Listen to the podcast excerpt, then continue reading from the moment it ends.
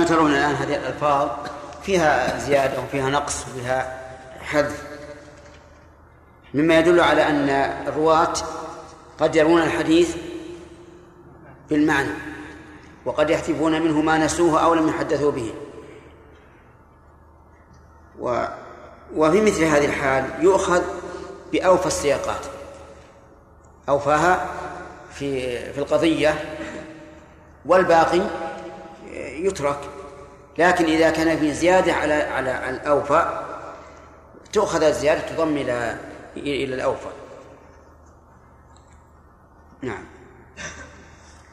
حدثنا يحيى بن أيوب وقتيبة بن سعيد وابن حجر قالوا حدثنا إسماعيل يعنون ابن جعفر عن محمد بن عمرو عن أبي سلمة عن فاطمة بنت قيس حا وحدثناه أبو بكر بن أبي شيبة قال حدثنا محمد بن بشر قال حدثنا محمد بن عمرو قال حدثنا أبو سلمة عن فاطمة بنت قيس قال كتبت ذلك من فيها كتابا قالت كنت عند رجل من بني مخزوم فطلقني البتة فأرسلت إلى أهله أبتغي النفقة واقتصوا الحديث بمعنى حديث يحيى بن أبي كثير عن أبي سلمة غير أن في حديث محمد بن عمرو لا, تفو لا, لا تفوتينا بنفسك.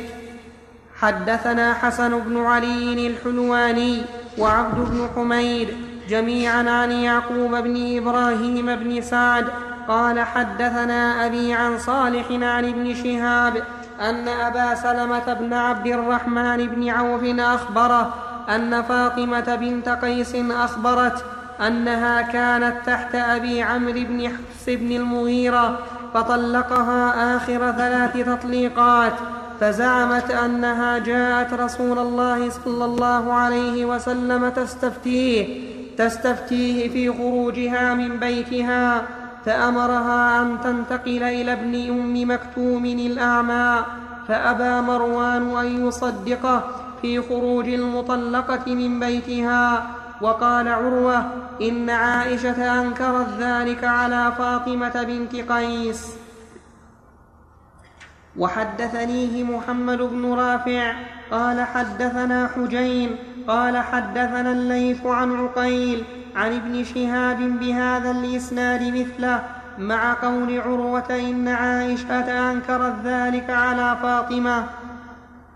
حدثنا ولكن, ولكن لا عبرة بإنكار عائشة رضي الله عنها لأن فاطمة صحابيه جليلة ثقة. أخبرت أن النبي صلى الله عليه وعلى آله وسلم أمرها أن تعتد أولا في بيت أم شريك ثم في بيت ابن أم مكتوم. نعم. حدثنا حدثنا إسحاق بن إبراهيم وعبد بن حميد واللفظ لعبد قال أخبرنا عبد الرزاق قال أخبرنا معمر عن الزهري عن عبيد الله بن عبد الله بن عتبة أن أبا عمرو بن حفص بن المغيرة خرج مع علي بن أبي طالب إلى اليمن فأرسل إلى امرأته فاطمة بنت قيس بتطليقة كانت بقيت من طلاقها وأمر لها الحارث وأمر لها الحارث بن هشام وعياش بن أبي ربيعة بنفقة فقالا لها والله ما لك نفقة إلا أن تكوني حاملا فأتت النبي صلى الله عليه وسلم فذكرت له قولهما فقال لا نفقة لك فاستأذنته في الانتقال فأذن لها فقالت أين يا رسول الله؟ فقال إلى ابن, إلى ابن أم مكتوم وكان أعمى تضع ثيابها عنده ولا يراها.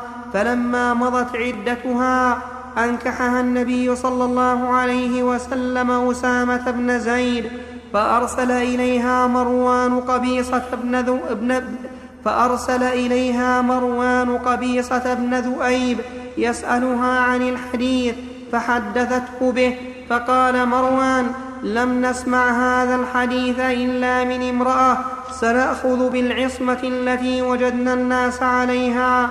فقالت فاطمة حين بلغها قول مروان فبيني وبينكم القرآن قال الله عز وجل لا تخرجوهن من بيوتهن الآية قالت هذا لمن كانت له مراجعة فأي أمر يحدث بعد الثلاث؟ فكيف تقولون لا نفقة لها إذا لم تكن حاملا؟ فعلام تحبسونها؟ استدلت ما شاء الله عليها استدلت بالقرآن والقياس. القرآن إذا قرأ الإنسان الآيات على علم أنها في الرجية لا تخرجوهن من بيوتهن ولا يخرجن إلا أن يأتين بفاحشة مبينة وتلك حدود الله ومن يتعدى حدود الله فقد ظلم نفسه. لا تدري لعل الله يحدث بعد ذلك أمرا فأي أمر يحدث إذا كانت المطلقة طلاقا بائنا؟ لا شيء.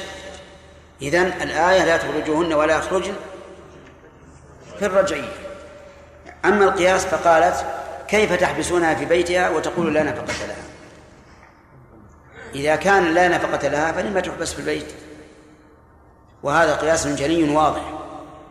وعلى كل حال فما ذكرته فاطمة بن قيس لا جدال فيه لأنه مرفوع إلى النبي عليه الصلاة والسلام ولا قول لأحد بعد قول الرسول عليه الصلاة والسلام. وأما قول مروان إن هذا العصمة وعليه الناس فيقال إن الناس لا يحكمون بأعمالهم أو عاداتهم على الشرع وإنما الذي يحكم هو الشرع. نعم. حدثني زهير بن حرب قال حدثنا هشيم قال أخبرنا سيار وحصين ومغيرة وأشعث ومجالد وإسماعيل بن أبي خالد وداود كلهم عن الشعبي. قال دخلت على فاطمة بنت قيس فسألتها عن قضاء رسول الله صلى الله عليه وسلم عليها فقالت طلقها زوجها البتة فقالت فخاصمته إلى رسول الله صلى الله عليه وسلم في السكنى والنفقة. قالت فلم يجعل لي سكنى ولا نفقة وأمرني أن أعتد في بيت ابن أم مكتوم. ربما يستدل في قول بقولها فخاصمته على أن أحكام العقد متعلقة بالموكل لأنها هي لم تخاصم زوجها وإنما خاصمت وكيلا كما سبق. لكن الوكيل يقوم مقام الموكل ومخاصمته مخاصمة للموكل. وأحكام العقد بعضها يتعلق بالموكل وبعضها يتعلق بالوكيل. فمثل خيار الشرط خيار المجلس يتعلق بالوكيل. يعني معناه لو وكل شخصا أن يشتري له بضاعة فاشتراها. فالخيار يثبت خيار المجلس لمن؟ للوكيل ولو اشتراه أن ولو وكله أن يشتري رقيقا أخا للوكيل فاشتراه الوكيل فإنه لا. لا يعتق عليه لأن هذا الحكم يتعلق بمن؟ بالموكل فالمهم أن أحكام العقود تختلف بعضها يتعلق بالموكل وبعضها يتعلق بالوكيل نعم نعم.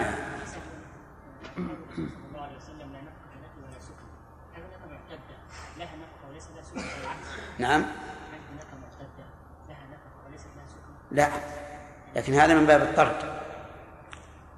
نعم. أحسن الله إليكم.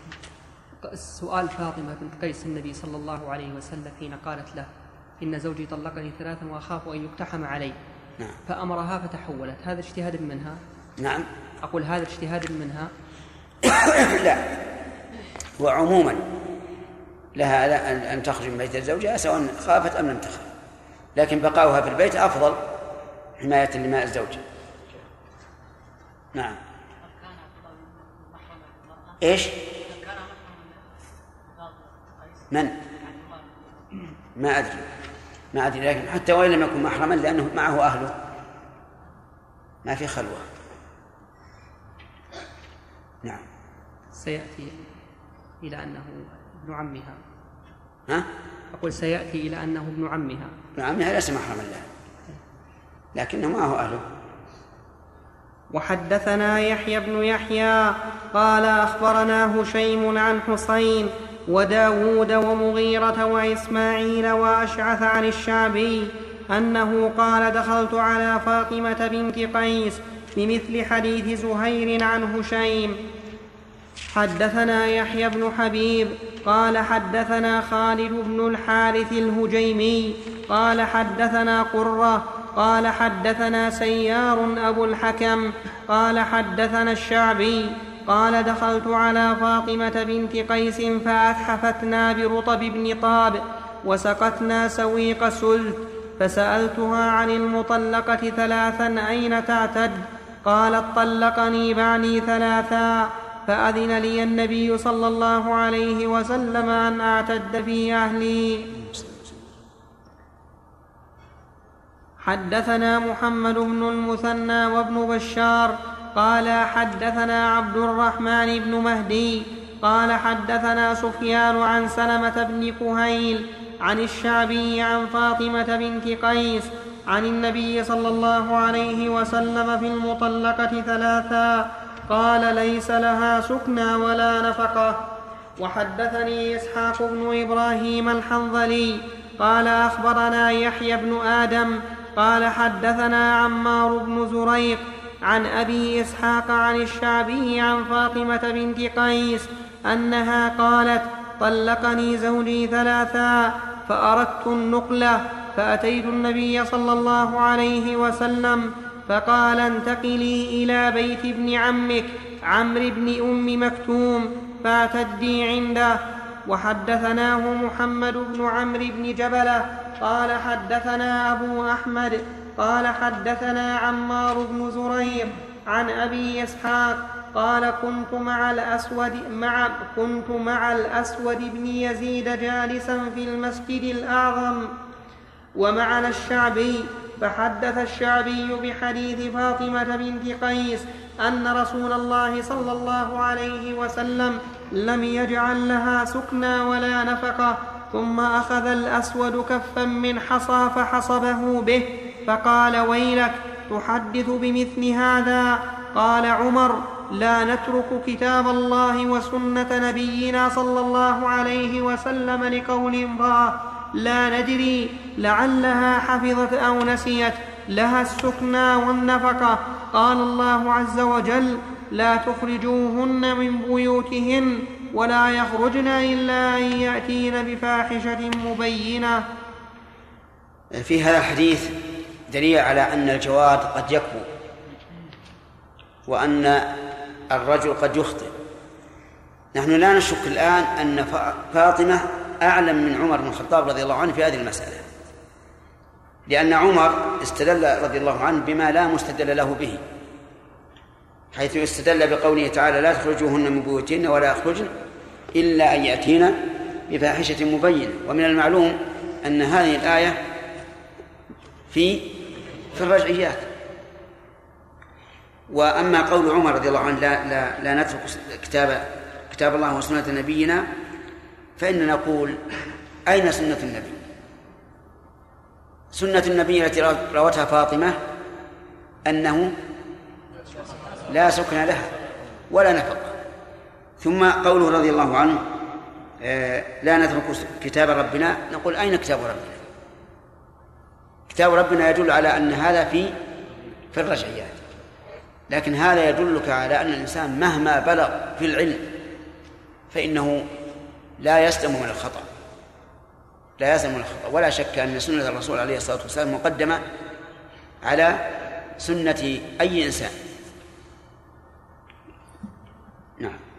وحدثنا أحمد بن عبدة الضبي قال حدثنا أبو داود قال حدثنا سليمان بن معاذ عن أبي إسحاق بهذا الإسناد نحو حديث أبي أحمد عن عمار بن زريق بقصته.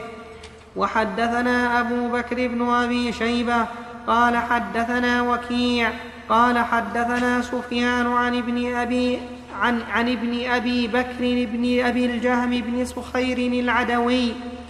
قال سمعت فاطمة بنت قيس تقول إن زوجها طلقها ثلاثا.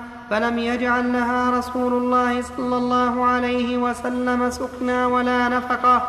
قالت قال لي رسول الله صلى الله عليه وسلم إذا حللت فآذنيني. فآذنته فخطبها معاوية وأبو جهم وأسامة بن زيد.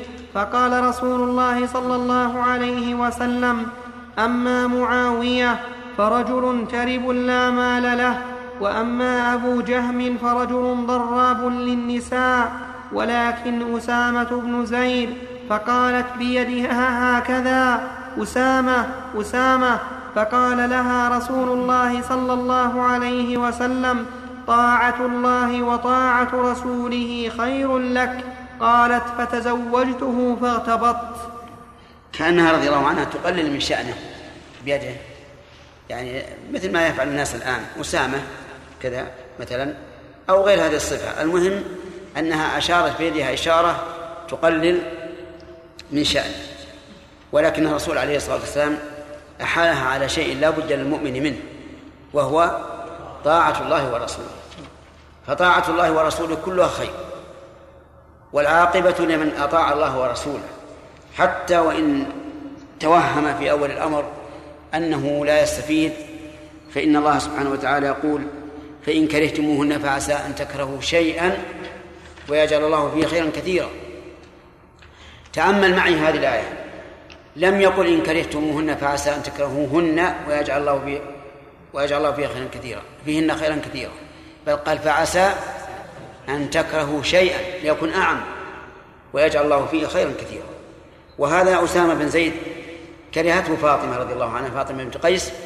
وفي النهاية تقول إنها اغتبطت به وجعل الله بينهما مودة ورحمة. فإياك أن تخالف أمر الله ورسوله.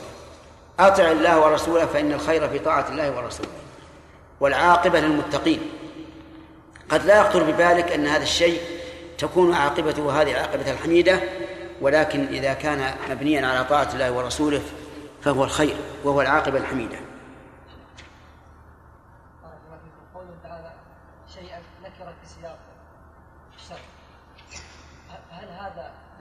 هي في سياق الشرط.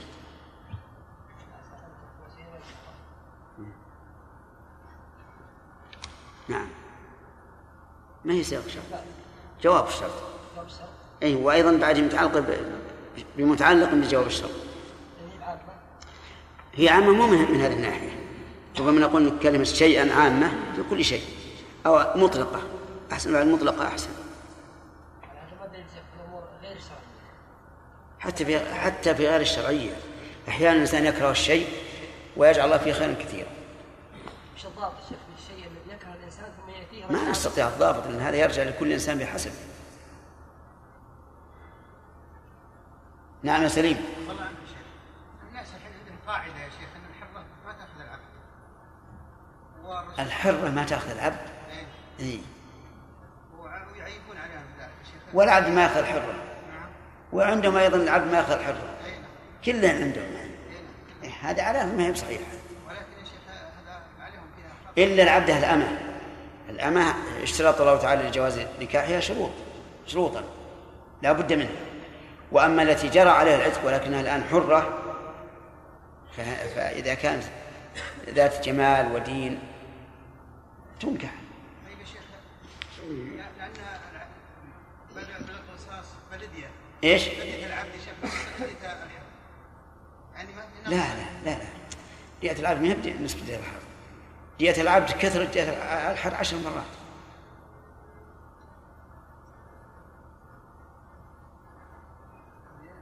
هنا توافقون على هذا؟ لأن دية العبد يا سليم قيمته. ربما يكون هذا العبد يعني جيدا في الصناعة في الكتابة في الخطابة في كل شيء. تساوي قيمته قيمة الدية عندنا مئة ألف؟ يساوي مليون. ولا لا؟ وربما يصير بالعكس يساوي عشرة ريال هذا الشرع إن شاء الله تعالى. دية العبد قيمته. بالغة ما بلغت والمراد بالعبد هنا ما هو العبد الذي لا ينتمي إلى قبيلة معينة. العبد هو المملوك.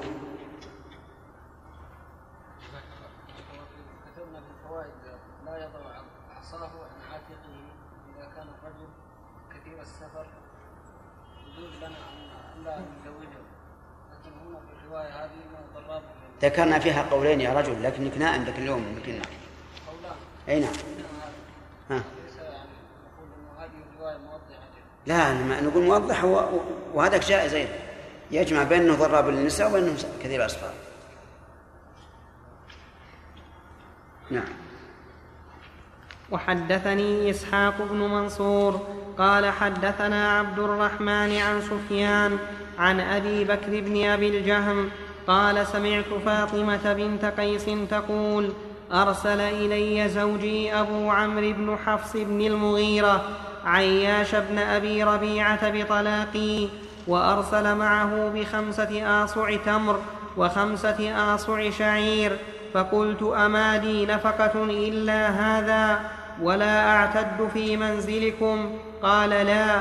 قالت فشددت علي ثيابي وأتيت رسول الله صلى الله عليه وسلم فقال كم طلقك؟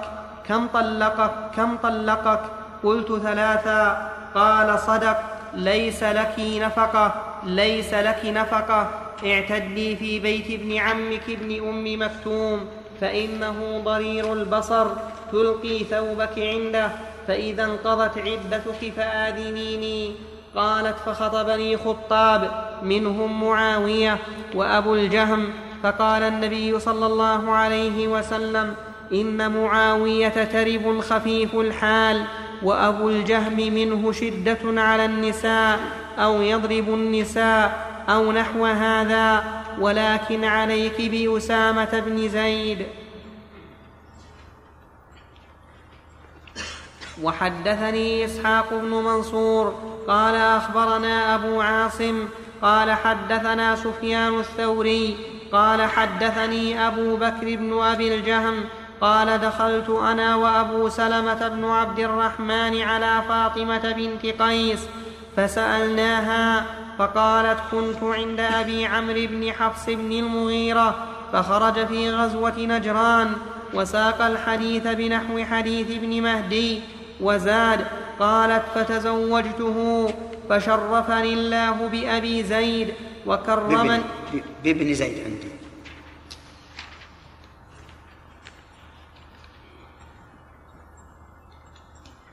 يقول يا شيخ عندي في الحاشية هكذا هو في بعض النسخ بأبي زيد في الموضعين على أنه كنية وفي بعضها بابن زيد بالنون في الموضعين وادعى القاضي أنها رواية الأكثرين وكلاهما صحيح هو أسامة بن زيد وكنيته أبو زيد ويقال أبو محمد. وكرمني الله بابن زيد حدثنا وحدثنا عبيد الله بن معاذ العنبري قال حدثنا أبي قال حدثنا شعبة قال حدثنا أبو بكر قال دخلت أنا وأبو سلمة على قال حدثني أبو بكر. بالياء. حدثني. النون عندك بالألف؟ لا. بالياء. طيب. قال حدثني أبو بكر قال دخلت أنا وأبو سلمة على فاطمة بنت قيس زمن ابن الزبير فحدثتنا أن زوجها طلقها طلاقا باتا بنحو حديث سفيان وحدثني حسن بن علي الحلواني قال حدثنا يحيى بن آدم قال حدثنا حسن بن صالح عن السدي عن البهي عن فاطمة بنت قيس قالت طلقني زوجي ثلاثا فلم يجعل لي رسول الله صلى الله عليه وسلم سكنا ولا نفقة. وحدثنا أبو كريب قال حدثنا أبو أسامة عن هشام قال حدثني أبي قال تزوج يحيى بن سعيد بن العاص بنت عبد الرحمن بن الحكم فطلقها فأخرجها من عنده فعاب ذلك عليهم عروة فقالوا إن فاطمة قد خرجت. قال عروة فأتيت عائشة فأخبرتها بذلك فقالت ما لفاطمة بنت قيس خير في أن تذكر هذا الحديث؟ رضي الله عن عائشة. بل لها الخير أن تذكر هذا الحديث لأنها تنشر السنة التي جاءت عن النبي صلى الله عليه وسلم. ولكن يحيى بن سعيد بن العاص طلق زوجته. هل هو طلقها ثلاثا كما في حديث فاطمة بن قيس أو أنه طلقها واحدة؟ ظاهر السياق أنه طلقها واحدة وعلى هذا فلا معارضة بين حديث فاطمة وحديث آه، يحيى بن سعيد. نعم. وحدثنا محمد بن المثنى قال حدثنا حفص بن غياث قال حدثنا هشام عن أبيه عن فاطمة بنت قيس أنها قالت قلت يا رسول الله زوجي طلقني ثلاثا وأخاف أن يقتحم علي قال فأمرها فتحولت. وحدثنا محمد بن المثنى قال حدثنا محمد بن جعفر قال حدثنا شعبة عن عبد الرحمن بن القاسم عن أبيه عن عائشة أنها قالت ما لفاطمة خير أن تذكر هذا؟ قال تعني قولها لا سكنى ولا نفقة. وحدثني إسحاق بن منصور قال أخبرنا عبد الرحمن عن سفيان عن عبد الرحمن بن القاسم عن أبيه أنه قال قال عروة بن الزبير لعائشة ألم تري إلى فلانة بنت الحكم طلقها زوجها البتة فخرجت فقالت بئس ما صنعت فقال ألم تسمعي إلى كون فاطمة؟ فقالت أما إنه لا خير لها في ذكر ذلك أما إنه لا خير لها في ذكر ذلك. هذا يدل على أن قضية يحيى بن سعيد كان بائنا فيكون موافقا لحديث فاطمة بنت قيس لأنها قال هنا إلى فلان بنت الحكم طلقها زوجها البتة. هنا قال بنت الحكم واللفظ الأول يقول بنت عبد الرحمن بن الحكم. لكن لا مانع يعني في التجوز أن ينتسب الإنسان إلى جده كما قال النبي صلى الله عليه وسلم أنا النبي لا كذب أنا ابن عبد المطلب مع أن أبوه عبد الله. نعم. باب جواز قل يا سائل. لو نعم. وهي في بلده وزوجها فلم يستطع أن يرجعها إلى أهلها يعني لا يستطيع أن يرجعها إلا بعد أن تنتهي العده فهل لها أن تجلس معه اذا لم يكن لها احد هناك؟ ويخلو بها؟ أو معهما أحد؟ كان معهم أحد فلا بأس. أما إذا كان يخلو بها فلا بد أن يطلب من أحد محارمها أن يأتي إليها ويأخذها معه. حتى لو كان الذي معه غير محرمات ها؟ حتى لو كان الذي معه غير إيه لو كان. كان مثلا معه أمه أخته بنته. نعم بارك الله فيك. في بعض البلاد إذا ترافع الرجل والزوجة إلى القاضي وحكم بالطلاق إنه يحكم لها وحكم بالطلاق فيحكم لها بالنفقة لمدة عامين. وتحسب النفقة على حسب دخل الزوج وما تقدمه من بيانات عن دخله. فهل له أن يقدم إقرار مثلا آه، بأن دخله أقل مما قدمت المرأة حتى يقلل النفقة؟ الأصل له أن لا يقبل الحكم إطلاقا هذا بالإجبار ها؟ هذا يجبر على ذلك يجبر عليه الظاهر أنه لا بأس. يعني كل شيء يتخلص بالإنسان من الظلم فلا حرج عليه. كل شيء يتخلص به من الظلم فلا حرج عليه. فيه قول النبي صلى الله عليه وسلم في احد روايات الحديث طاعه الله وطاعه رسوله خير لك نعم. هل يدل على أن الله عز وجل يعني آه، آه، أمر النبي صلى الله عليه وسلم أن يزوج أسامة بفاطمه لا ما يدل. لا على هذا العموم. إي نعم. لأن طاعة الرسول طاعة لله.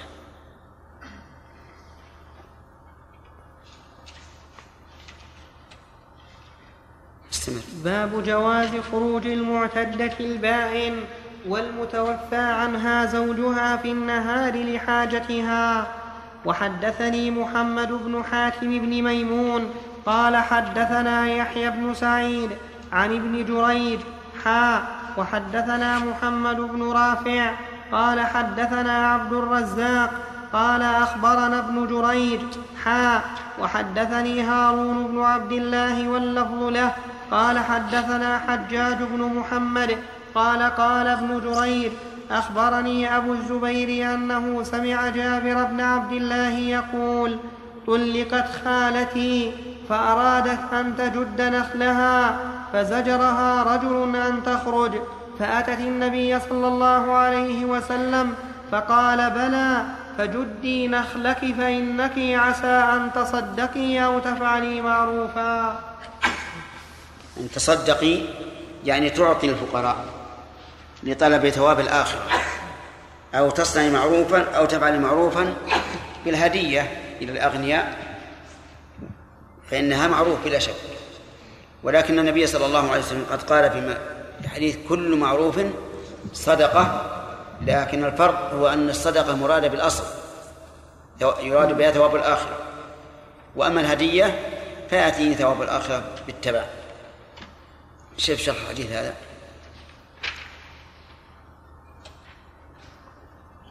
فيه حديث جابر. هذا الحديث دليل لخروج المعتدة البائن للحاجة ومذهب هذا أول ما شرح الحديث. نعم. في حديث جابر في إيش؟ ما قبل الشيء ذكر الحديث ثم قال هذا الحديث دليل لخروج لكن قلت فيه حديث جابر أي قال في البداية فيه حديث جابر ثم م. قال طلقت خالتي م. لما ذكر الحديث قال هذا الحديث ولا ذكر قبل هذا الشيء؟ لا ما ذكر قبل شيء نعم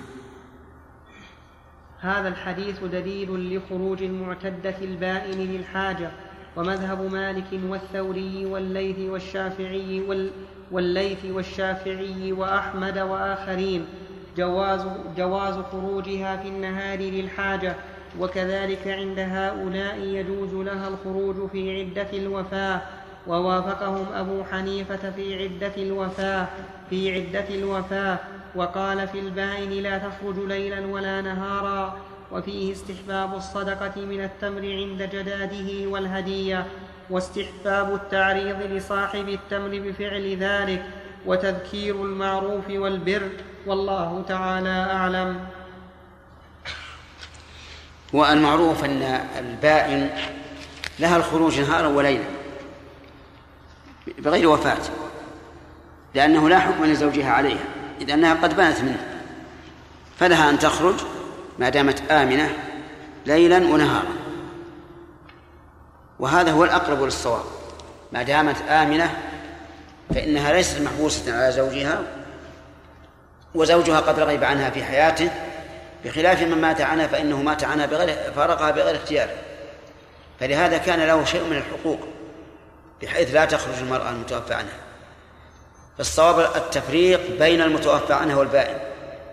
المتوفى عنها لا تخرج لا ليلا ولا نهارا إلا للحاجة نهارا أو للضرورة ليلا. والبائن لها الخروج ليلا ونهارا إذا أمنت على نفسها.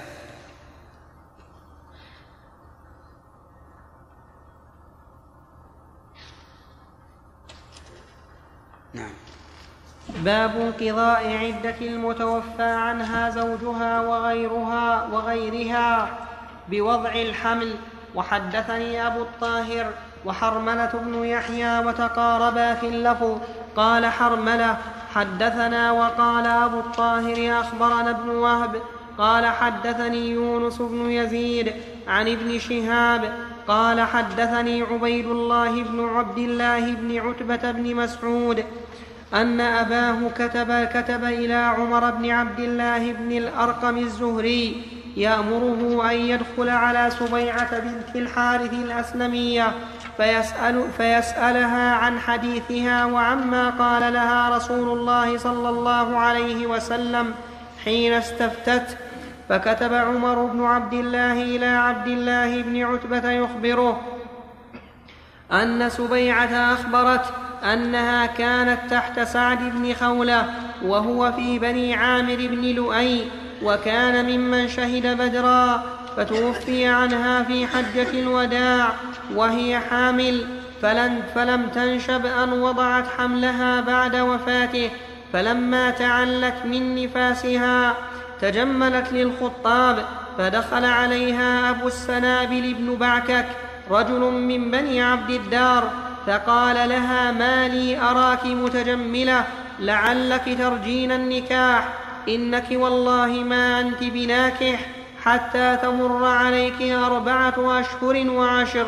قالت سبيعة فلما قال لي ذلك جمعت علي ثيابي حين أمسيت.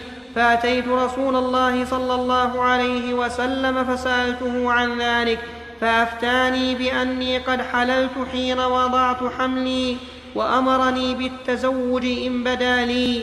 قال ابن شهاب فلا أرى بأسا أن تتزوج حين وضعت وإن كانت في دمها غير أن لا يقربها زوجها حتى تطهر. هذا فيه فوائد منها جواز المكاتبة في رواية الحديث ولا شك أن هذا أمر لا بد منه. وكان السلف قد اختلفوا في أول الأمر هل يجوز هل تجوز كتابة الحديث. ولكن الصحيح أنها جائزة. لأن النبي صلى الله عليه وسلم أمر أن يكتب لأبي شاد خطبته عليه الصلاة والسلام عام الفتح. ولأن هذا عمل الأمة الإسلامية وكون المانعين يقولون يخشى أن يشتبه القرآن بالسنة يقال أن هذا يحصل به الفرق بصفة الكتابة أو بغير ذلك. وتأتي إن شاء الله فوائد بعد هذا. والله أعلم. سم. نعم. نعم. عند خالد. أتى بها؟ طيب. الحقيقة من خلال البحث تبين أن اللفظ بذاته موجود عند النسائي وابن ماجه. وأما أبو داود وقبله البخاري فإن اللفظ مقارب لكن يختلف شيئا يسيرا. وقد ذكرت ذلك على سبيل الاختصار. البحث هذا البحث. اقرأ البحث. عند البخاري في كتاب الطلاق في باب قصة فاطمة بنت قيس قال عروة بن الزبير لعائشة ألم تري إلى فلانة بنت الحكم؟ طلقها زوجها البتة, البتة فخرجت فقالت بئس ما صنعت قال ألم تسمعي في قول فاطمة؟ قالت أما إنه ليس لها خير في ذكر هذا الحديث وزاد ابن أبي الزناد عن هشام عن أبيه عابت عائشة أشد العيب وقالت إن فاطمة كانت في مكان وحش فخيف على ناحيتها فلذلك أرخص لها النبي صلى الله عليه وسلم. ثم ترجم البخاري بعد هذا باب المطلقة إذا خشي عليها في مسكن زوجها أن يقتحم عليها أو تبدو على أهله بفاحشة. وفيه عن عروة أن عائشة أنكرت, أنكرت ذلك على فاطمة. وهو عند أبي داود كذلك. وأما لفظ النسائي وابن ماجه فمطابق للفظ مسلم. يعني ما أحد تكلم عليها بذاتها مثلا من ابن حجر أو ابن رجب إلا إلا ابن حجر ذكرها في الشرع إيه؟ وتكلم عليها وأخبر أن لها شواهد. نعم. وأن مجموع القصة يدل على أن الرخصة لها في الخروج من البيت كانت لسببين البذاءة بذاءة بذاءة لسانها على أهل زوجها وخوفها من أن يقتحم عليها.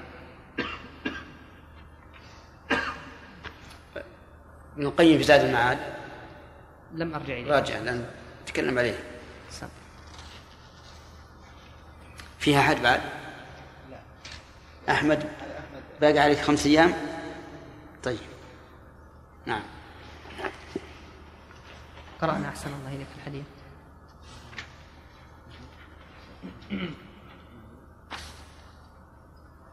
قرأناه الشيخ ها؟ قرأناه حديث سويع إيش؟ قرأناه بالأمس حديث سبيعة. نعم. بسم الله الرحمن الرحيم. آه حديث سبيعة فيه بيان عدة المتوفى عنها زوجها. وأن المتوفى عنها زوجها إذا كانت حاملا انتهى انتهت عدتها بوضع الحمل. وذلك لقول الله تعالى وولاة الأحمال أجلهن أن يضعن حملهن. وقد بين الرسول عليه الصلاة والسلام أنها انقضت عدتها أي عدة سبيعة وقد نفست بعد موت زوجها بليال. و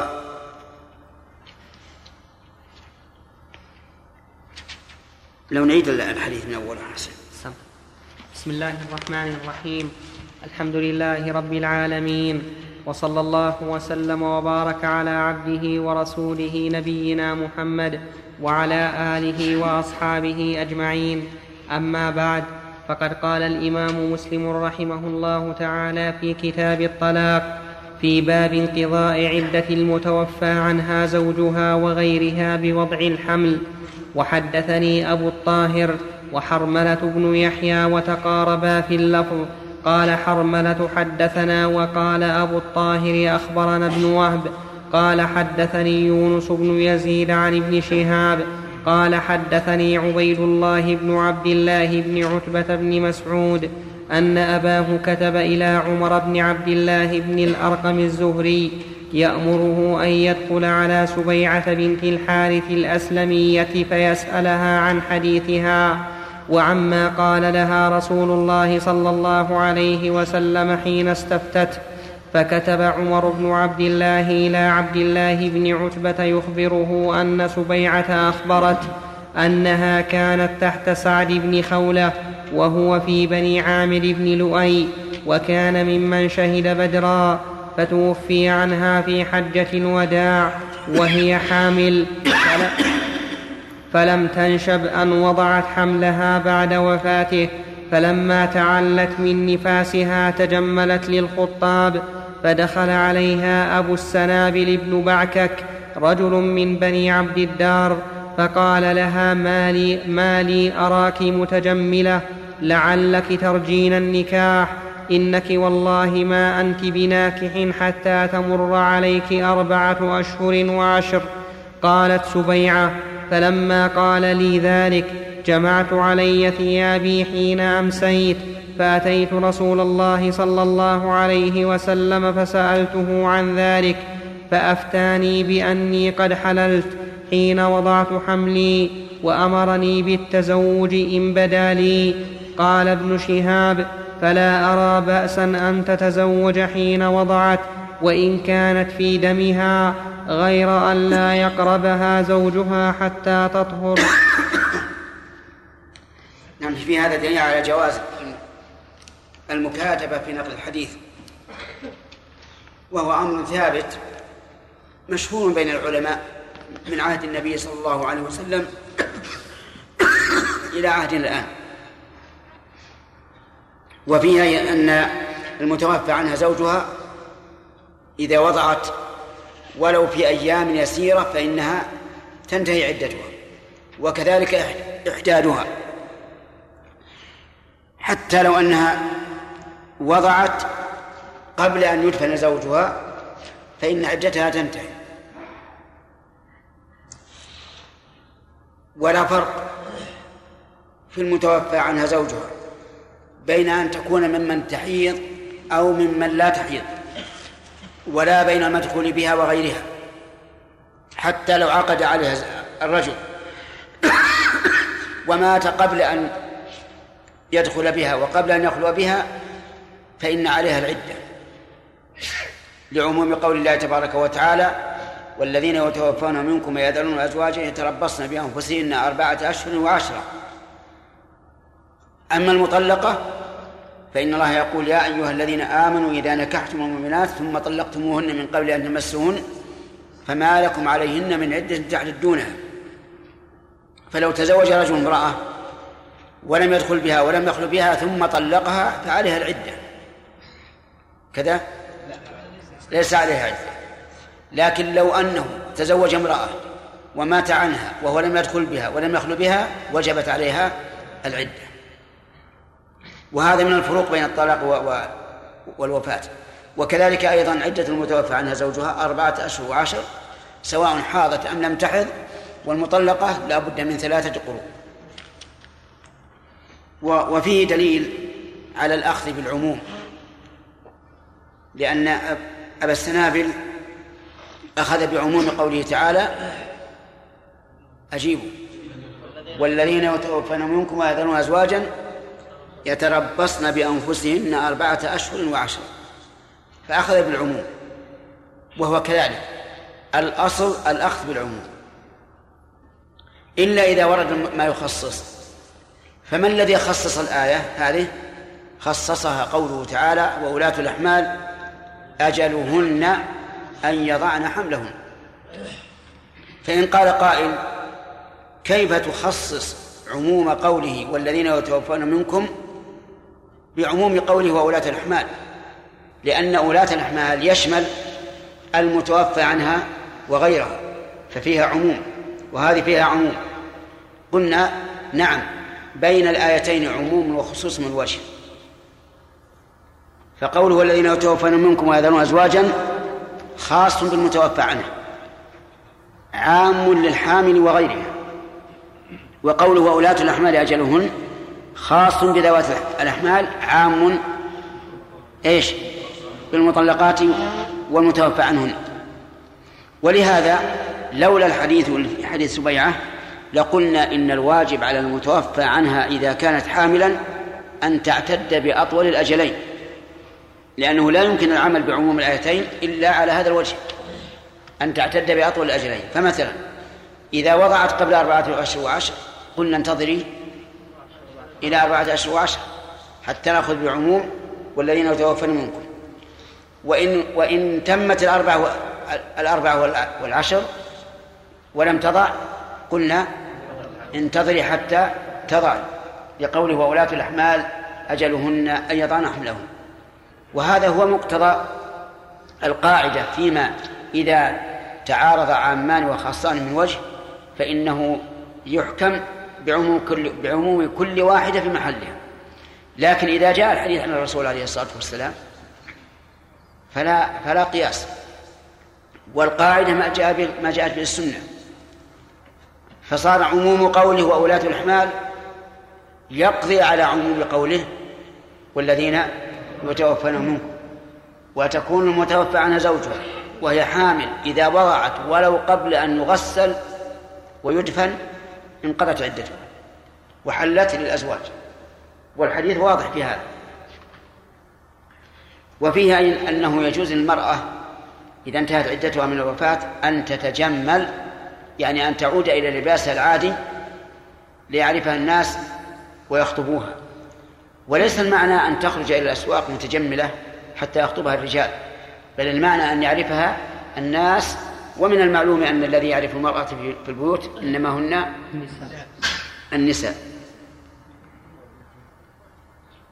ومن فوائد هذا هذه هذا الحديث وجوب الرجوع إلى كتاب الله وسنة رسوله صلى الله عليه وعلى آله وسلم لأن سبيعة استفتت النبي صلى الله عليه وسلم حينما حصل بينها وبين أبي السنابل الخلاف.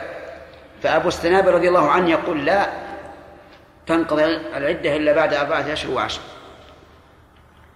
وهي تقول إنها انقضت. والمرجع عند النزاع إلى كتاب الله وسنة رسول الله صلى الله عليه وسلم لمن كان يؤمن بالله واليوم الآخر. نعم. نعم يا سليم.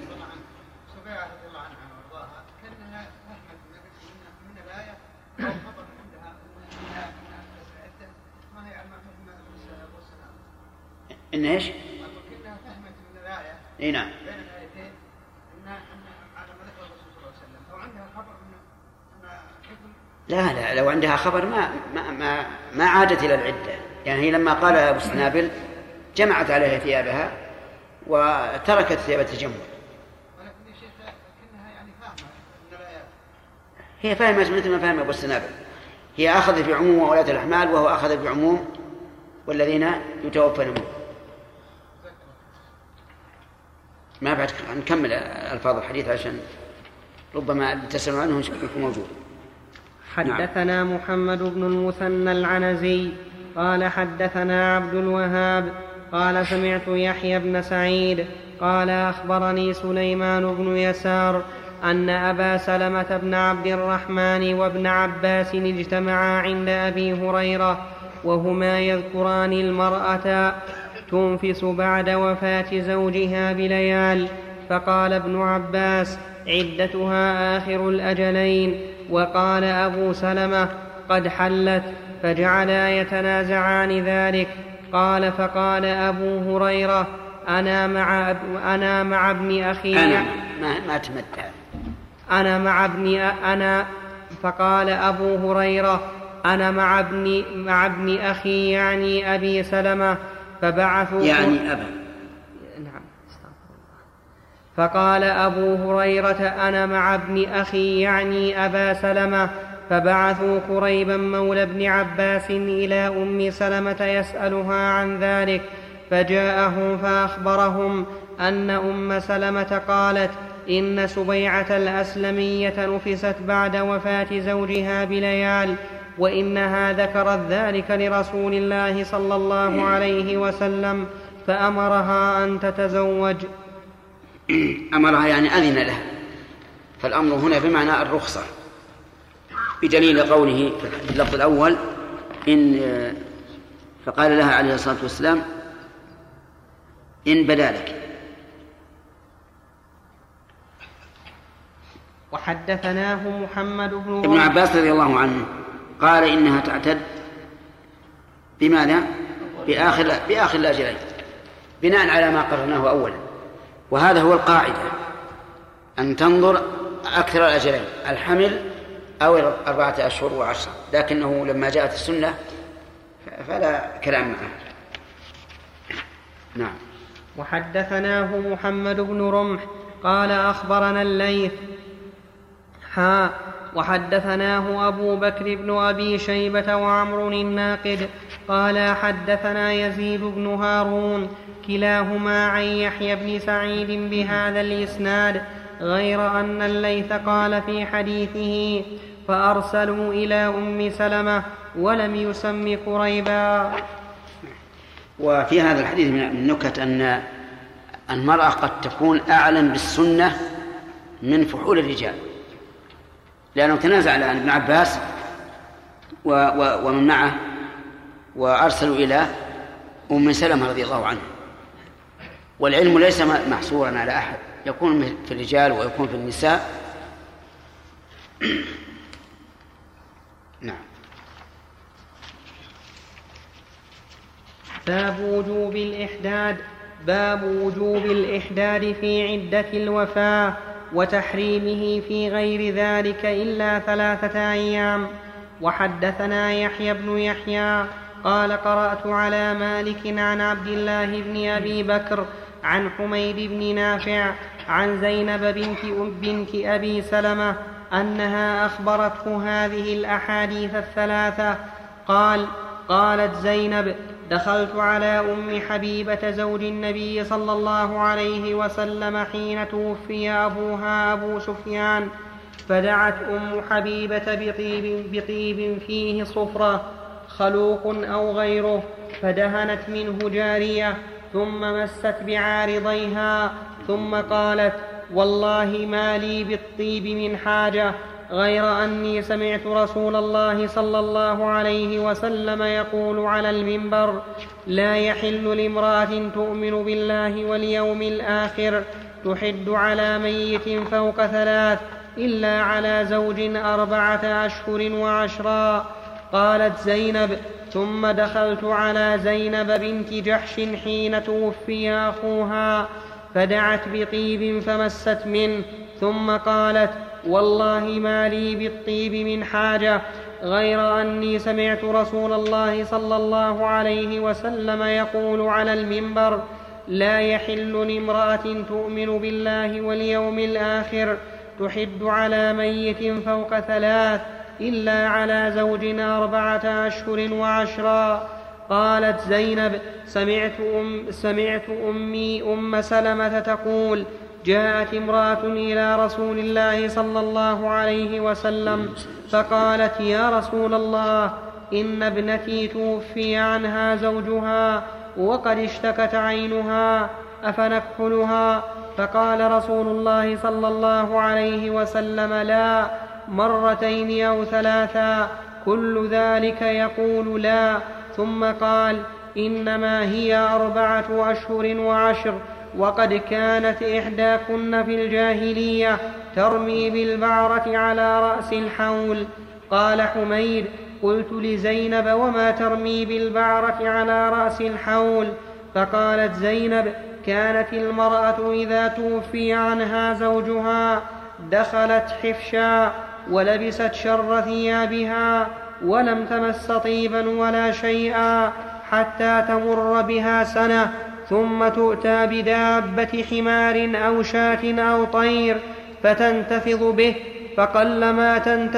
فقلما تفتض بشيء إلا مات ثم تخرج فتعطى بعرة فترمي بها ثم فت... فترمي بها ثم تراجع بعد ما شاءت من طيب أو غيره. نعم. أولا الإحداد معناه اجتناب الزينة وكل ما يدعو إلى الجماع. هذا هو الإحداد وهو من حق الزوج على زوجته فتترك الطيب بجميع أنواعه.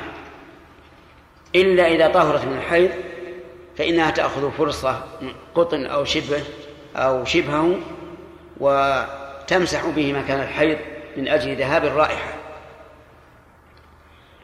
ثانيا تجتنب الكحل لأنه جمال تجميل العين تجنب الكحل على كل حال.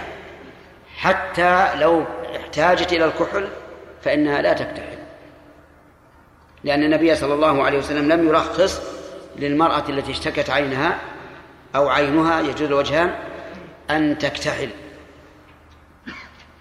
حتى قال ابن حزم رحمه الله لو أنها خافت العمى فإنها لا تكتحل وذلك لأن مفسدة انتهاك الإحداد محققة وبرء العين بالكحل إيش؟ غير محقق. قد يكون ولا وقد لا يكون فلا يمكن ان يفعل المحظور من أجل توهم حصول المطلوب. الثالث أن تجتنب الحلي بجميع أنواعه سواء في الأذن أو في الرأس أو في اليد أو في الرجل أو في الصدر في أي موضع كان تجتنب الحلي بجميع أنواعه. فإن قيل إذا كان عليها سوار لا يخرج إلا بقص قلنا فلتقصه يجب أن تقصه. آه، عليها أسنان من ذهب للتجمل لا للحاجة. هل تخلعها؟ نعم تخلعها. لأن التي للتجمل هي عبارة عن تلبيس السن بهذه بهذه القطعة من الذهب وليس للحاجة فتخلعه. فإن كانت تخشى أنها لو خلعته لا انخلع السن فتبقيه فتبقيه لكن لا تحرص على خروجه بمعنى أن لا تحرص على التبسم أو الضحك فيخرج. الرابع ثياب الزينة. ثياب الزينة يعني الثياب التي تلبسها للتجمل. فأما اللباس العادي فهو جائز للمحادة بأي لون؟ أخضر أصفر أحمر بأي لون؟ لكن الممنوع هو إيش؟ التجمل كما مر علينا في حديث سبيعة تجمل الخطاب. فلا يحل لها أن تتجمل. الخامس البقاء في البيت. فلا يحل لها أن تخرج من البيت. يجب أن تبقى في بيتها حتى تنتهي العدة. ولا تخرج إلا لحاجة في النهار أو ضرورة في الليل. الحاجة في النهار كأن تخرج للمستشفى أو لإثبات حصر الوراثة أو لغير ذلك. لكن هل هل تخرج لحاجة غيرها؟ الجواب لا فلو كان لها أم وأمها تود أن تأتي إليها ابنتها وهي محادة فلا تخرج لأن الحاجة هنا لمن؟ الحاجة لغيرها إلا إذا كانت لو انحجبت عن أمها ضاق صدرها وقلقت فهنا تذهب تزور أمها من أجل مصلحتها هي. أما في الليل فقالوا إنه لا يجوز أن تخرج إلا للضرورة لأن الليل لا سيما في الليل فيما سبق الليل فيما سبق ظلمة ويخشى عليها من الفساق أن يداهموها في الأسواق. فلهذا لا تخرج إلا للضرورة. فما هي الضرورة؟ الضرورة مثل أن, أن تأتي أمطار وتخشى أن يسقط السقف عليها. أن يكون في البيت حريق. أن لا يمكن أن أن أن تخشى على نفسها أن يقتحم عليها في الليل. فهذه ضرورة أن تخشى على نفسها من ضيق الصدر الشديد الذي ربما تستولي عليها الجن في هذه الحال أو الشياطين. فالمهم أنها تخرج للضرورة بالليل وفي النهار للحاجة فخروجها في النهار أخف.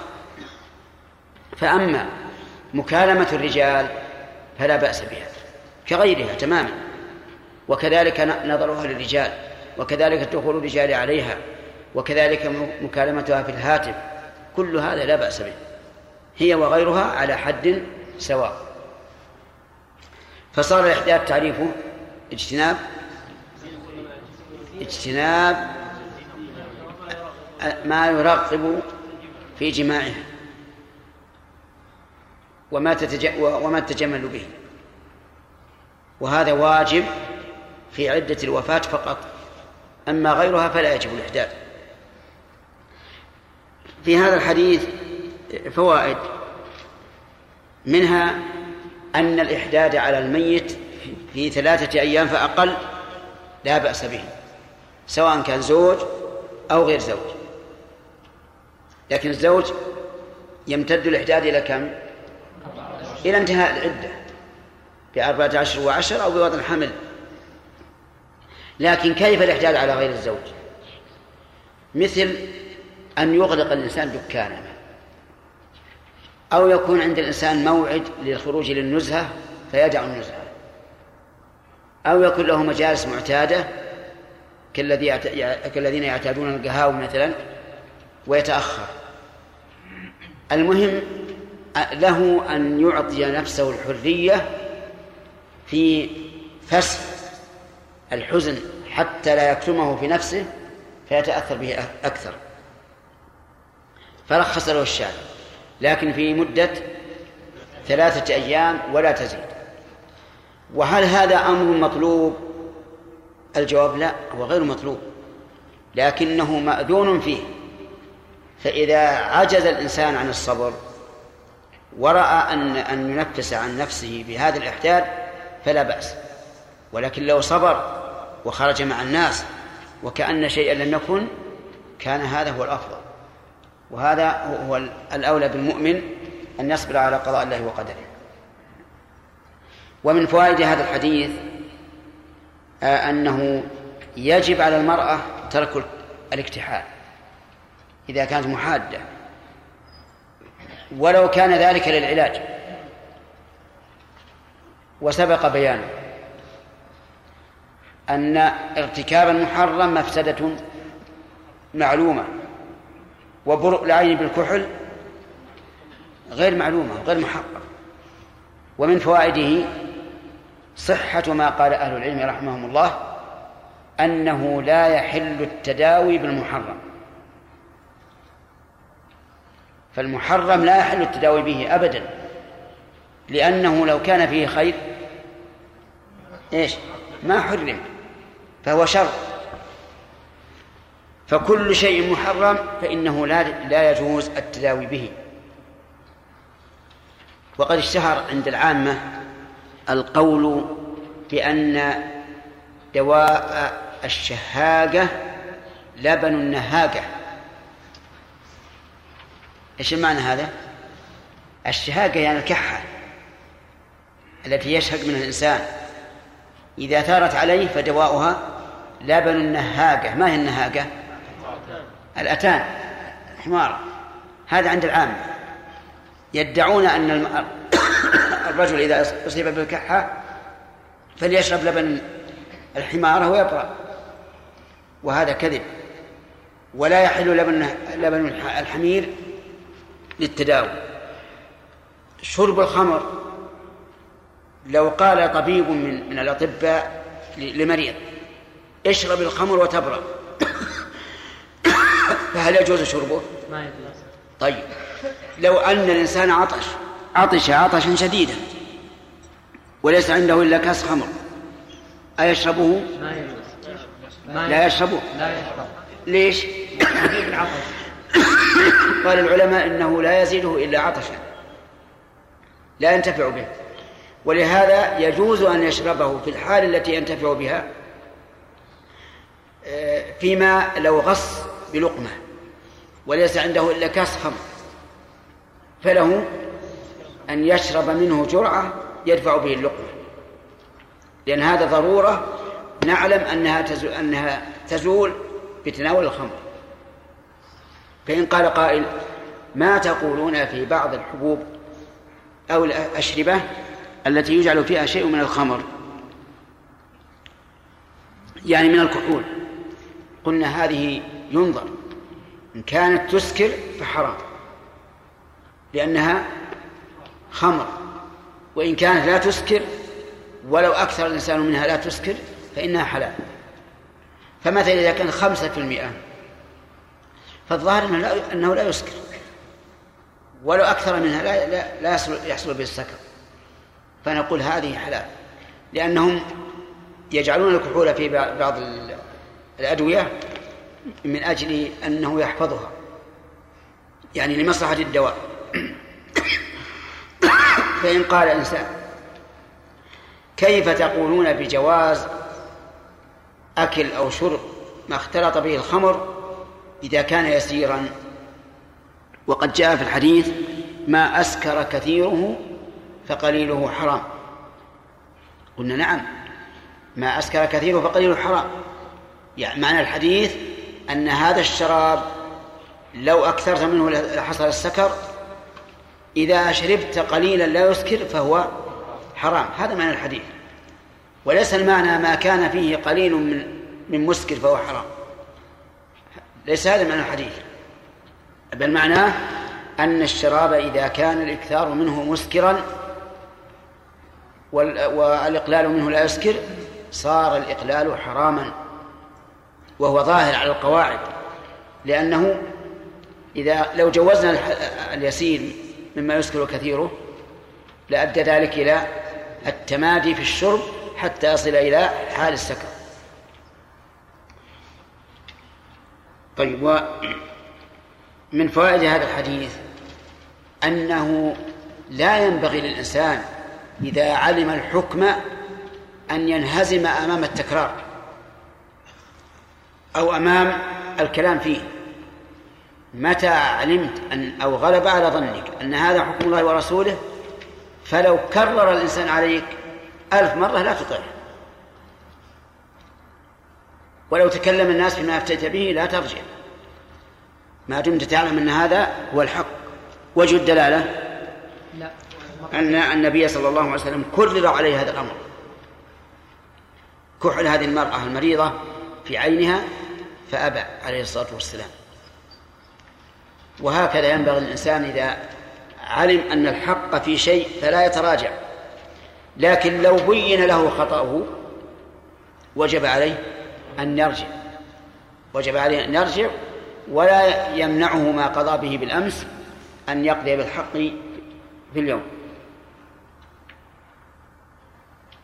ومن فوائد هذا الحديث أنه ينبغي تطبيق الحكم بالفعل لأن ذلك أقنع للنفوس. وجهه أن أم سلمة مسحت عارضيها بالطيب. وهي لا تريد أن تطيب لكن تريد أن تبين الحكم الشرعي. في أن المرأة لا تحد على ميت فوق ثلاث. فبيان الأحكام الشرعية بالفعل أوقع في النفوس. ولهذا كان العلماء أهل القدوة إذا أرادوا أن يقتنع الناس بفتواهم فعلوها هم أولا حتى يقتدي الناس بهم. ذكروا أن شيخ الإسلام رحمه الله لما نزل التتار في دمشق في رمضان أفتى الجند أن يفطر ولكن غيره منع من فطره. قال إن هؤلاء ليسوا مسافرين ولا إيش؟ ولا مرضى. فلا يباح لهم الفطر لأنهم في البلد. ولكنه رحمه الله قال إنه يجوز لهم الفطر واستدل بحديث واضح عند التأمل. وذلك أن رسول الله صلى الله عليه وسلم حين خرج إلى فتح مكة في رمضان أمرهم في أثناء الطريق أن يفطروا. وأمرهم أن يفطروا. ولما قربوا من مكة قال لهم إنكم لاقوا العدو غدا فأفطروا فالفطر أقوى لكم. فهنا علل الفطر ليس بالسفر بل قال أقوى لكم. فدل هذا على أن المجاهد إذا كان أقواله أن يفطر فإنه يفطر ولو في بلده. ثم صار رحمه الله يحوم بين صفوف المقاتلين وفي يده خبزة يأكلها أمامه. لأجل أن يقتنعوا وأن يعلموا أن الرجل إنما أفتى بما يرى أنه الحق. وهذه من من سبل الدعوة إلى الله عز وجل. كذلك أيضا لو أن الناس اختلفوا في أكل شيء. أحد يقول حلال وأحد يقول حرام. وكان العالم ذو القدوة يرى أنه حلال لعدم الدليل على التحريم. فتناول منه من أجل أن يقتنع الناس لكان هذا خيرا وهو من الدعوة إلى الله عز وجل.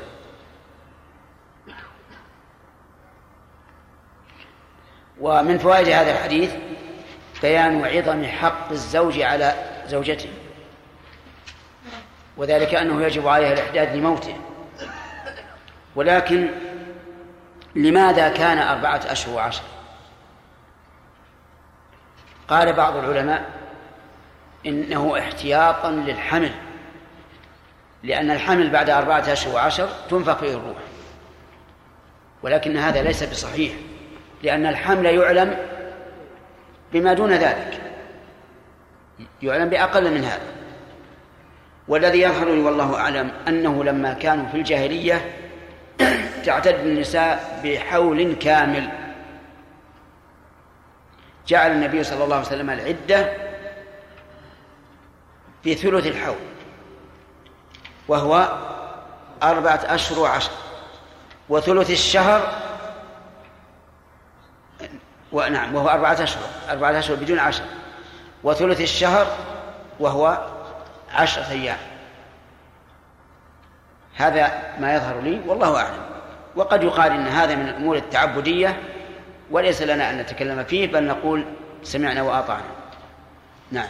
بالنسبة لطالبات المعلمات والموظفات العدة هل قولنا إلى ذلك من الحاجة أم من الضرورة؟ لا هذا من الحاجة فتدرس بالنهار.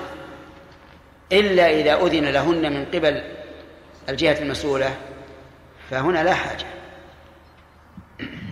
نعم. هل يلزم من الإحداث أن تلبس المرأة الأسود؟ تجزي إيش؟ أن تلبس المرأة الأسود. لا لا. أبدا. لا يلزم من الإحجاج أن تلبس الأسود. وذلك ذكرنا لكم قبل قليل تلبس ما شاءت من الألوان إلا ما يعد تجملا. نعم. امرأة. قضى عليها امرأة امرأة قضى لها القاضي بأنه لا عدة لها لأنه حكم لها بأنها لم يدخل عليها زوجها وزوجها أنكر الدخول وهي تقول دخل لخلوتي به فهل تعتد أو لا تعتد؟ أما ظاهرا لا يلزمها أن تعتد وأما باطنا فيلزمها أن تعتد لأنها تقر بأنه لزمتها العدة لكنها في هذه الحال لو لو مات الزوج لا ترثه. ولو ماتت وجب على أهلها أن أن يقول للزوج أن المرأة تقر بأنك داخل بها وأنها مع أن مسألة الميراث إذا إذا ماتت سواء قبل الدخول أو بعده يثبت الإرث. أنا غلطت. ثلاثة طيب. هذه المسألة البعرة هذه. يعني يدلك على مسألة على جهل جهل العرب هذا العذاب الأليم.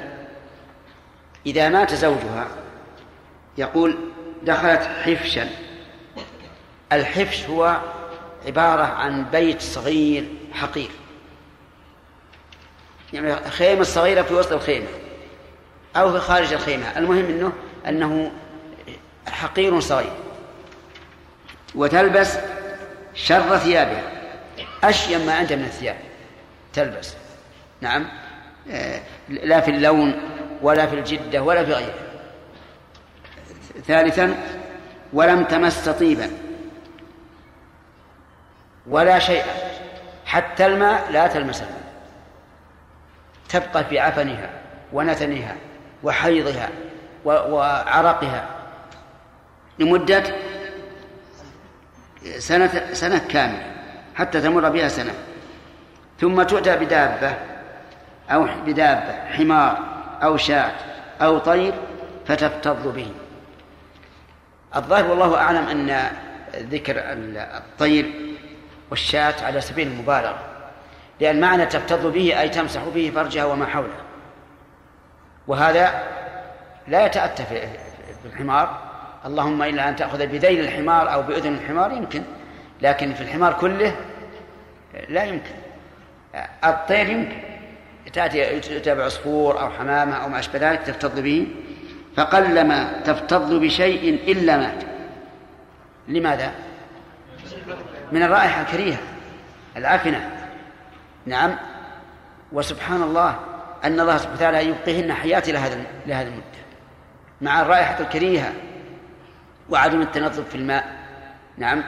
والظاهر أيضا أنها لا تقص أظفارها ولا تمتشط تبقى هكذا في أسوأ ما يكون من حال ومنظر ثم تخرج فتعطى بعرة.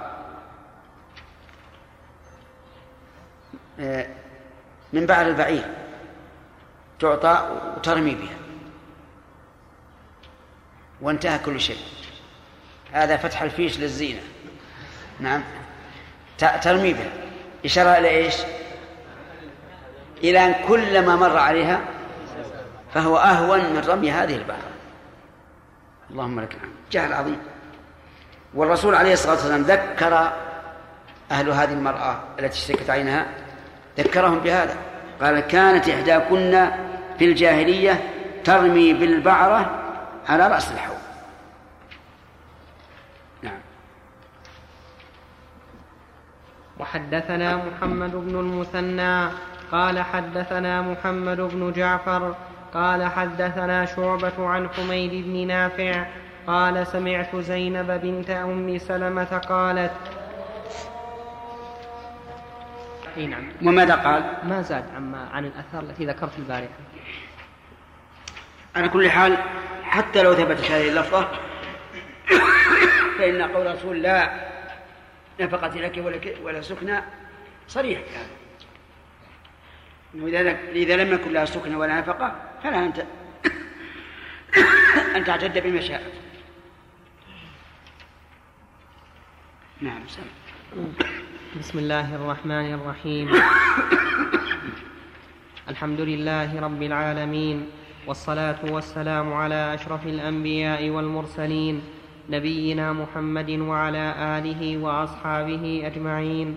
أما بعد فقد قال الإمام مسلم رحمه الله تعالى في صحيحه في كتاب الطلاق وحدث وحدثنا محمد بن المثنى قال حدثنا محمد بن جعفر قال حدثنا شعبة عن حميد بن نافع قال سمعت زينب بنت أم سلمة قالت توفي حميم لأم حبيبة فدعت بصفرة فمسحته بذراعيها وقالت إنما أصنع هذا لأني سمعت رسول الله صلى الله عليه وسلم يقول لا يحل لامرأة تؤمن بالله واليوم الآخر أن تحد فوق ثلاث إلا على زوج أربعة أشهر وعشرا.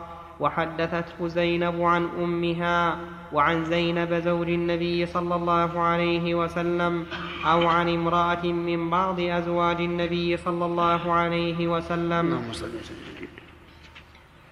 وحدثنا محمد بن المثنى قال حدثنا محمد بن جعفر قال حدثنا شعبة عن حميد بن نافع قال سمعت زينب بنت أم سلمة تحدث عن أمها أن امرأة توفي زوجها فخافوا على عينها فأتوا فأتوا النبي صلى الله أنت بالتثنية عينيها. ظاهر فخافوا على عينها فأتوا النبي صلى الله عليه وسلم فاستأذنوه في الكحل فقال رسول الله صلى الله عليه وسلم قد كانت إحداكن تكون في شر بيتها في أحلاسها أو في شر أحلاسها في بيتها حولا فإذا مر كلب رمت ببعرة فخرجت أفلا أربعة أشهر وعشرا؟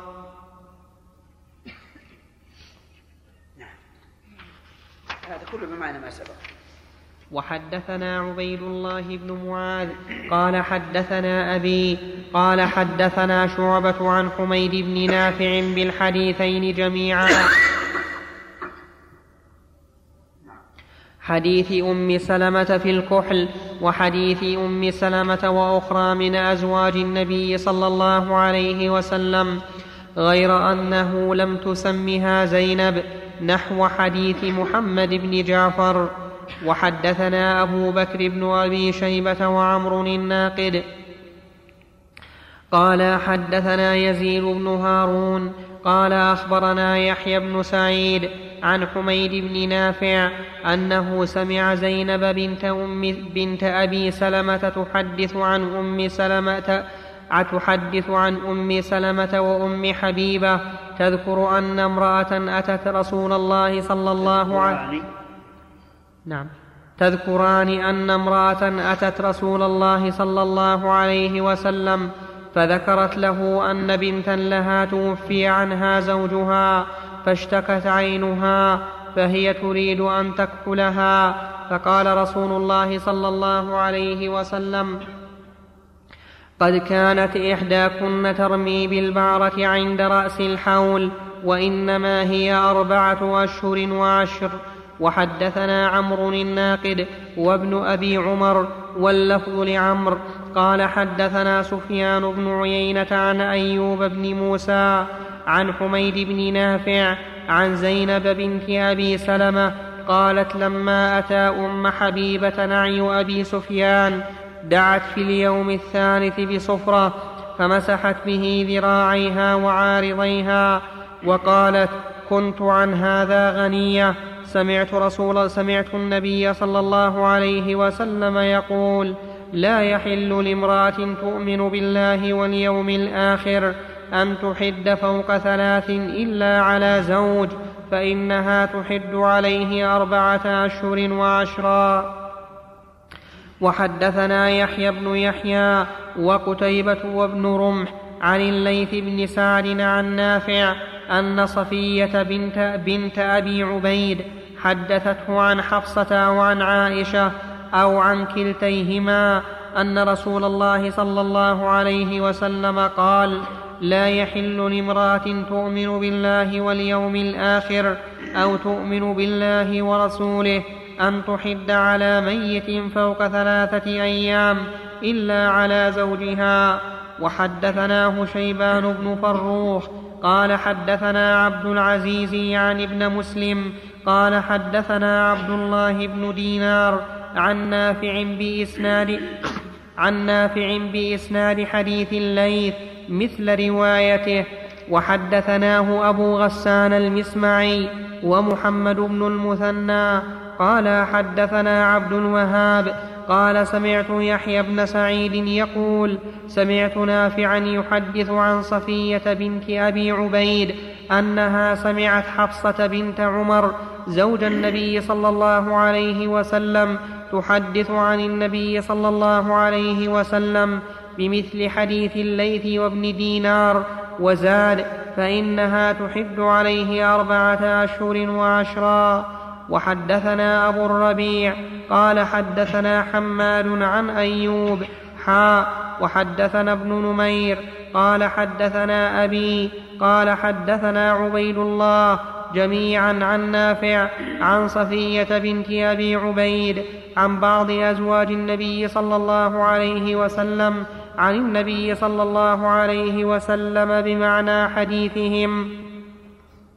وحدثنا يحيى بن يحيى وأبو بكر بن أبي شيبة وعمر الناقد وزهير بن حرب واللفظ ليحيى قال يحيى أخبرنا وقال الآخرون حدثنا سفيان بن عيينة عن الزهري عن عروة عن عائشة عن النبي صلى الله عليه وسلم أنه قال لا يحل لامرأة تؤمن بالله واليوم الآخر أن تحد على أن, أن تحد على ميت فوق ثلاث إلا على زوجها.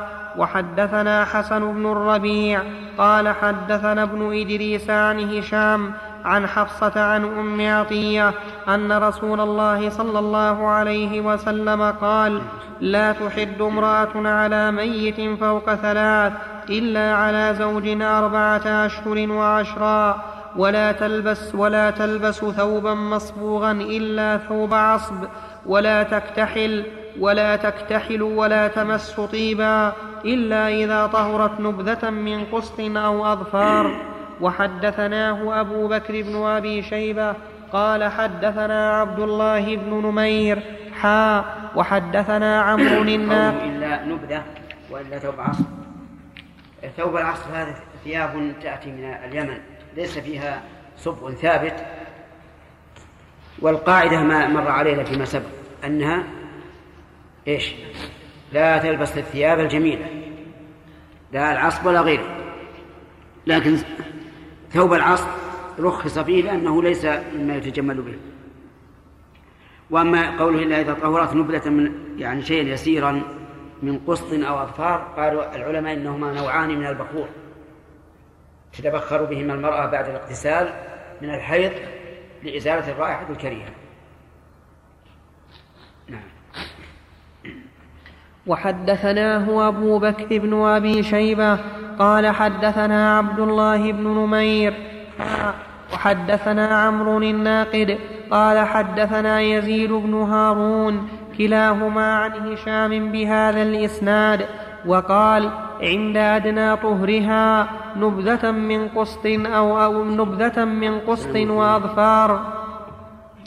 وحدثني أبو الربيع الزهراني قال حدثنا حماد قال حدثنا أيوب عن حفصة عن أم عطية أنها قالت كنا ننهى أن نحد على ميت فوق ثلاث إلا على زوجنا أربعة أشهر وعشرا ولا نكتحل ولا نتطيب ولا نلبس ثوبا مصفوغا وقد رخص للمرأة في طهرها إذا اغتسلت إحدانا من محيضها في نبذة من قسط وأظفار. بسم الله الرحمن الرحيم. كتاب.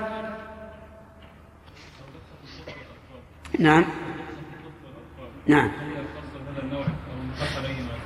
الظاهر ما كان بمعناها أو أقل من في الرائحة لا بأس به.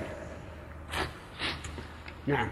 يحيى. النصوص على المرأة في الأحاديث السابقة هل هو من باب التغليب باب الاحتراز؟ لا لا من باب الغالب. المرأة ذكر المرأة من باب الغالب لأن الرجال أقوى من النساء وأصبر فلا يحدون لكن بقي أن يقال آه، هل يستدل بقوله تؤمن بالله واليوم الآخر على ما ذهب إليه بعض العلماء من أن الكفار لا يخاطبون بفروع الشريعة؟ أو يقال إن هذا من باب الإغراء وبيان أن لزوم ذلك من مقتضيات الإيمان بالله واليوم الآخر.